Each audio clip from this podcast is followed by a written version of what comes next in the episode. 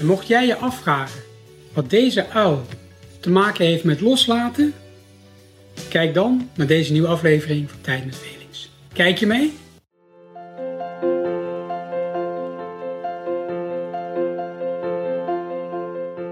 Hartelijk welkom bij een nieuwe aflevering van Tijd met Felix. Mijn naam is Frans Felix en ik ben op de Heideweg, het medisch centrum van Amersfoort-Vathorst. En deze aflevering wil ik samen met jou stilstaan bij iets dat je kan gaan helpen in 2022. En dat is loslaten. En als je met me meekijkt naar deze aflevering, dan ontdek je zeven manieren, zeven tips om dingen los te laten. Kijk je mee?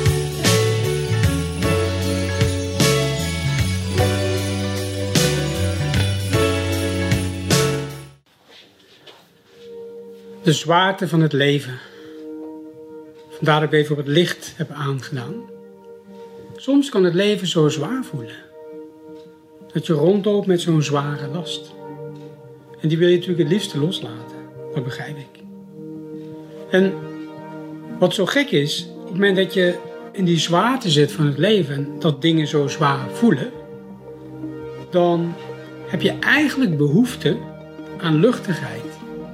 Eigenlijk heb je behoefte aan wat humor, wat grappen. En juist op de momenten dat je zo die zwaarte voelt, dan denk je niet zo snel aan een grap of humor of luchtige muziek. En juist om nu bewust te zijn dat als jij de zwaarte in je leven wat los wil laten en dat je wat luchtigheid in je leven toelaat, dan is het juist belangrijk om nu al je voor te bereiden. Koop een boek met grappen. Bedenk welke comedy je gaat kijken of welke cabaretier je gaat beluisteren als je die zwaarte voelt. Zodat je jezelf helpt om die zwaarte wat los te laten en te vervangen door wat luchtigheid. Dat voelt toch een stuk prettiger, nietwaar? Piekeren. Piekeren, alsmaar denken, malen, die denkmachine in je hoofd, die alsmaar denkt en alles overdenkt. Het lastige van het piekeren is dat je piekert over dingen die in het verleden zijn gebeurd. En dat je denkt, had ik maar. Of dat je ergens zeg maar, last van hebt wat er in het verleden is gebeurd en dat het zich alsmaar herhaalt in je hoofd. En piekeren doe je ook over de toekomst. Dat je eigenlijk continu bezig bent met wat er allemaal kan gebeuren. En als het piekergedachten zijn, dan zijn het meestal gedachten over de worst case scenario. Het ergste wat er kan gebeuren. Want daar zijn we zo goed in. Dit brein is natuurlijk continu bezig om je te beschermen. Dus die denkt de hele tijd, wat kan er misgaan, wat kan er misgaan? En dat is wat piekeren is. En dat wil je natuurlijk loslaten. Dus die denkmachine, die wil je af en toe rust geven. Zodat je dus ook in het hier en nu kunt zijn. Dus terwijl je naar mij luistert, ben jij in het hier en nu. En hebben wij contact met elkaar. En de ademhalingsoefening, de buikademhalingsoefening, die, die helpt je om in het hier en nu te zijn. Want als je je aandacht richt op je lichaam, via je ademhaling, dat je zo bewust kunt zijn van hoe je eigenlijk ademhaalt en het ritme van je ademhaling, dan help je jezelf om in het hier en nu te zijn. En dan laat je dat piekeren, dat laat je gewoon even lekker los. Je hoge ademhaling. Kijk, hoge ademhaling die zit hier en dan adem je snel, maar je ademt dus ook hoog en daardoor adem je dus luchtig. Je ademt niet diep genoeg. Met andere woorden, als je je hoge ademhaling, die je ook bij stress zo kunt voelen, alsof je zeg maar, dat gejaagde gevoel voelt, en dat merk je dus ook in je ademhaling. Als je je hoge ademhaling loslaat, dan kun je die vervangen door een buikademhaling. En een buikademhaling, daarbij heb je bijvoorbeeld een oefening dat je je kunt voorstellen dat er een ballon in je buik zit. En die vul je dan met lucht, met zuurstof. En dat kun je doen via je neus. En dan voel je via je hand dat die ballon in je buik zich vult. En dan langzaam, heel rustig, laat je die lucht weer wegstromen uit je buik. En het voordeel van de buikademhaling is dat je, doordat je dus dieper ademt, adem je dus meer zuurstof in in je lichaam. En dat is natuurlijk de stof die alle cellen in je lichaam nodig hebben, zuurstof. Je ademt meer zuurstof in, maar je ademt ook rustiger. Zeker ook als je rustiger uitademt en langer uitademt dan dat je inademt. En daardoor gaat ook je parasympathicus, eigenlijk het deel van je autonome zenuwsysteem dat zorgt dat je lichaam herstelt en ontspant, dat wordt geactiveerd. En dan voel je dus ook ontspanning in je lichaam. En ik kan me helemaal voorstellen dat je dat in deze tijd juist nodig hebt. Dus als je die hoge ademhaling bij jezelf bemerkt, laat die eens los. En richt je dus op je diepe buikademhaling. En dan zul je echt heel anders voelen. Energievreters. Energievreters, dat zijn van die situaties, van die mensen, van die dingen die je zo helemaal leegtrekken. Dat je echt denkt van, laat maar even, ik uh, heb even helemaal geen energie meer. Kijk, energievreters, die wil je opsporen en die wil je dan loslaten. En die vervang je dan door energiegevers. En energiegevers, dat zijn van die momenten, dat zijn mensen, dat zijn situaties waarbij je denkt van, ja, alles gaat gewoon vanzelf. Zo'n flow gevoel. En dat is wat je graag wil, dat je in zo'n flow gevoel bent. Want dat is ook gezond voor je lichaam, want dan ontspant je hele lichaam en dan kun je ook helder denken. En dan lijkt het leven helemaal vanzelf te gaan. Dus het is heel belangrijk om voor jezelf de balans op te maken van energievreters en energiegevers. En laat die energievreters los en vul je leven zoveel mogelijk met energiegevers. Want dat, dat houdt je in balans.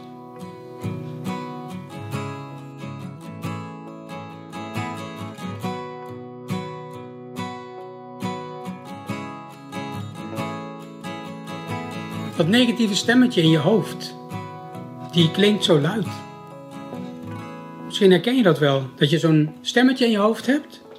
En als het een negatief stemmetje is, dan hoor je allemaal kritische dingen. Dan hoor je frustratie. En dan hoor je dingen die niet goed zijn, die niet deugen. Dingen die niet deugen bij jou. Zo'n negatief stemmetje, dat wil je natuurlijk graag loslaten. En de enige manier waarop je dat kan doen, is door dat negatieve stemmetje, wat zo heel hard roept, door dat te vervangen door een ander stemmetje. Want er is ook een stemmetje dat wat zachter praat, met warmte en dat het goed met je voor heeft. En dat is het stemmetje dat mij doet denken aan de wijze uil. En want als je kijkt naar de wijze uil, die zo rustig om zich heen kijkt. Maar als er iets zegt nou dan spits je je oren. Want dan kun je nog wat leren. En ook jij hebt zo'n wijs stemmetje. Zo'n uil die jou vertelt dat je eigenlijk wel goed genoeg bent. En die praat wat zachter en met meer warmte. En zou het niet geweldig zijn als je in het nieuwe jaar wat vaker naar dat wijze stemmetje luistert. Zodat dat negatieve stemmetje niet meer gehoord wordt.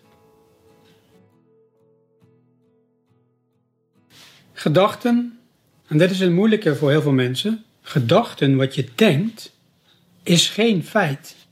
Om je een voorbeeld te geven. Ik weet dat een feit is dat jij geboren bent. Ooit was er een moment, toen kwam je in de wereld. Je werd geboren. Dat is een feit. Kan je daarna vragen en dat kun je gewoon op een datum kun je dat vastleggen. Ik ben geboren. Want je bent er immers. Dat is een feit. Maar als je denkt, niemand vindt me leuk, dat is een gedachte. En het is ook zo'n absolute gedachte, echt niemand vindt mij leuk. Als je die gedachte denkt, dan is het belangrijk om jezelf af te vragen, is dat een feit? Want het is een gedachte. En een gedachte is net zoiets als een gebeurtenis. Die komt op en opeens denk je die gedachte. En de gedachte, niemand vindt mij leuk. Als er één persoon is in de wereld die jou leuk vindt, en ik vind je leuk omdat je naar mij kijkt, dan klopt die gedachte al niet meer. Dus het is geen feit, het is een gedachte die je kunt denken. En je wil dus loslaten dat die gedachten die je denkt, dat dat feiten zijn. Want als je het verwart met feiten, met waarheden, net zoals het feit dat je geboren bent, als je het zo zou zien, een gedachte dus ziet als een feit, dan ga je jezelf dus in een wereld begeven. Omdat dit brein vaak van die negatieve gedachten kan denken. En dat stemmetje zo hard kan roepen. En zeker als je ook nog een beetje streng voor jezelf wordt. Voor je het weet, bedenk jij een wereld en denk je dat dat jouw wereld is. Maar het zijn slechts gedachten. Het zijn geen feiten. Dus laat gewoon die gedachten los dat gedachten feiten zijn. Het zijn gebeurtenissen die komen en die gaan. En die je weer gewoon heerlijk los kunt laten.